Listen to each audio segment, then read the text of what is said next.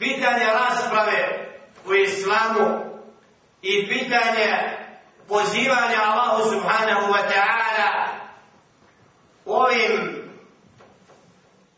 danima na određen način kao da je nešto aktuelnije nego u vremenu pospani i mrtvi kada je Kur'an i pozivanje Allahu subhanahu wa ta'ala cenzurisana od strane nevjernika i licemjera pa Allah subhanahu wa ta'ala i u tim vremenima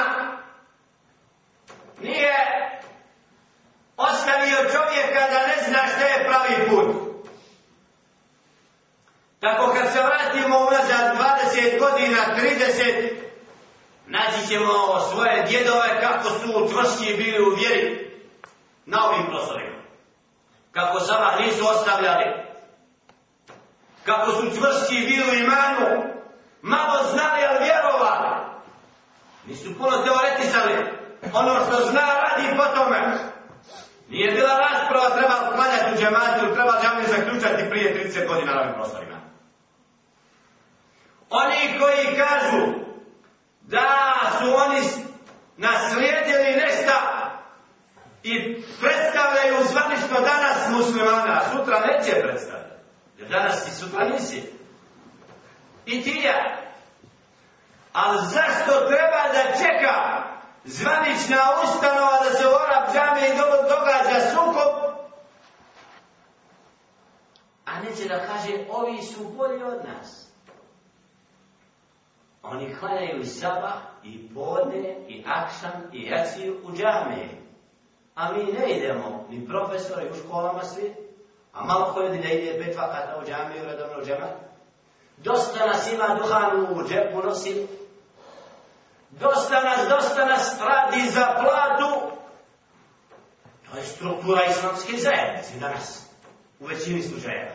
Većina tih službenika osnovne propise vjere ne prakticira onako kako mora da prakticira. Ne, mora izaći iman. Ima. Svaki musliman čuje ezan da se odazove zbog zapostavljanja džamija i ostavljanja osnovnih propisa vjere koji su svakom muslimanu i muslimanki propisani dolazi do određenog otkrivanja stvarnog stanja u zajednici. I nije čudo da događaj u pazaru, u džamiji je podrmao medijski mnoge krugove. Mnoge ljude natirao na razmišljanje šta se to događa. O čemu? To je samo detalj. Koliko je hiljada ljudi pomrlo, pa niko ne vraća puno pažnju na nikakad. Ko najkad izbili? Zbog ovog događaja je pitanje sukob između čega? Sukob među muslimanima. Otkud to da može biti?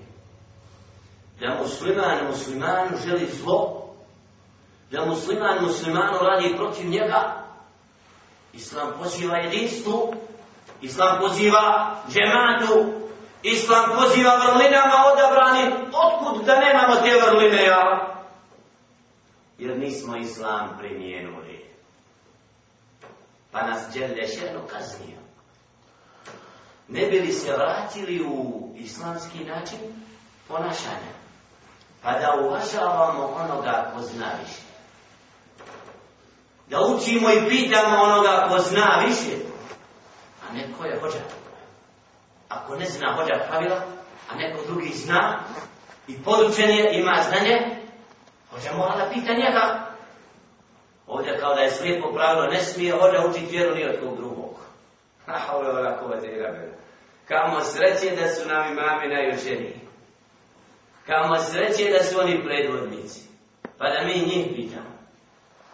Ali kad im pitamo što pravite zapise po Sanđaku, što to o Srbima zapisujete i neukim muslimanima, odvodite ih u kufru, učite ih da se Bogu ne obraćaju da vjeruju u zapis, pa mi znamo da to ne valja, ali ovdje narod naviko tako. Naviko tako i ti si njegov vođa. Da li nagradi roba koji mi reče u srijedu, oko ovih prostora, kaj Jusuf je uz Ramazan za lutom je neko na vrata i nosi 500 maraka da mu proučim četiri hatme. Ja sam rekao neću, to je zabranjeno. Kako nećeš ti reci mi drugo ko da ide, ko je. Kako kajem drugog, onda sam isti koji on. Jedni košao luto, luto i našao trgovca za 600 maraka da muči. Znači, oko nas imamo ljude koji trguju s Kur'anom uz Ramazan. Dok mi ovdje učimo Kur'an, trudimo se da budemo na seždi što više, na namazu, da oživimo noć i badeta, neki oko džamija, oko prostora ova, ove oaze trguju kako će prodati Kur'an. Kako će pravi svoga oca u mezaru. Posle smrti misli da će mu se odružiti.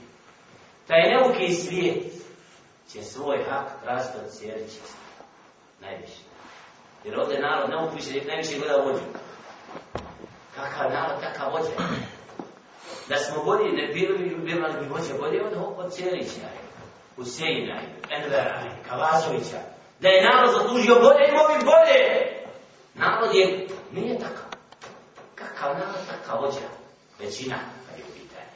Sve to male skupine koje su sad na udaru medijskom, koje su na određen način primijenile islam koliko toliko bolje nego oni koji ga ne primjenjuju dosljedno, moraju da budu imuni na sve što oko njih kruži. Od potvora, od priča, od propagande i da znaju da staza pravog puta je njihova staza. I da sve što se dogodi od događaja ne smije ni najmanje na njihovim srcima staviti teredud. Da zastanu na putu dina, primjene onoga što su naučili. Nego moraju biti dosljedni i shvatiti da je min hikmet od mudrosti Allaha da je uzeo skupinu i uputio sunnetu Muhammeda alaihi salatu wasalam, a druge ostavio da čekaju. Šta će ih zadesiti? Da li će i oni shvatiti da je alaihi salatu wasalam zikr činio na prste od desne ruke u predaji nekada je li upotrebio? Ili neće? Allahu a'la. Mi to ne znamo. Hoće učiti za voljeti ono što je poslanik molio, ili će voljeti više tespi kako im je volja učio. Hoda će izgovara koji je tako naučio, on nije kriv ako je krivo podučen. Ali taj moment da je slijedjenje prakse Muhammeda alaih sallatu sallam bolje i obavezno onome ko zna, a džahila ostavimo i ne raspravljamo s njim.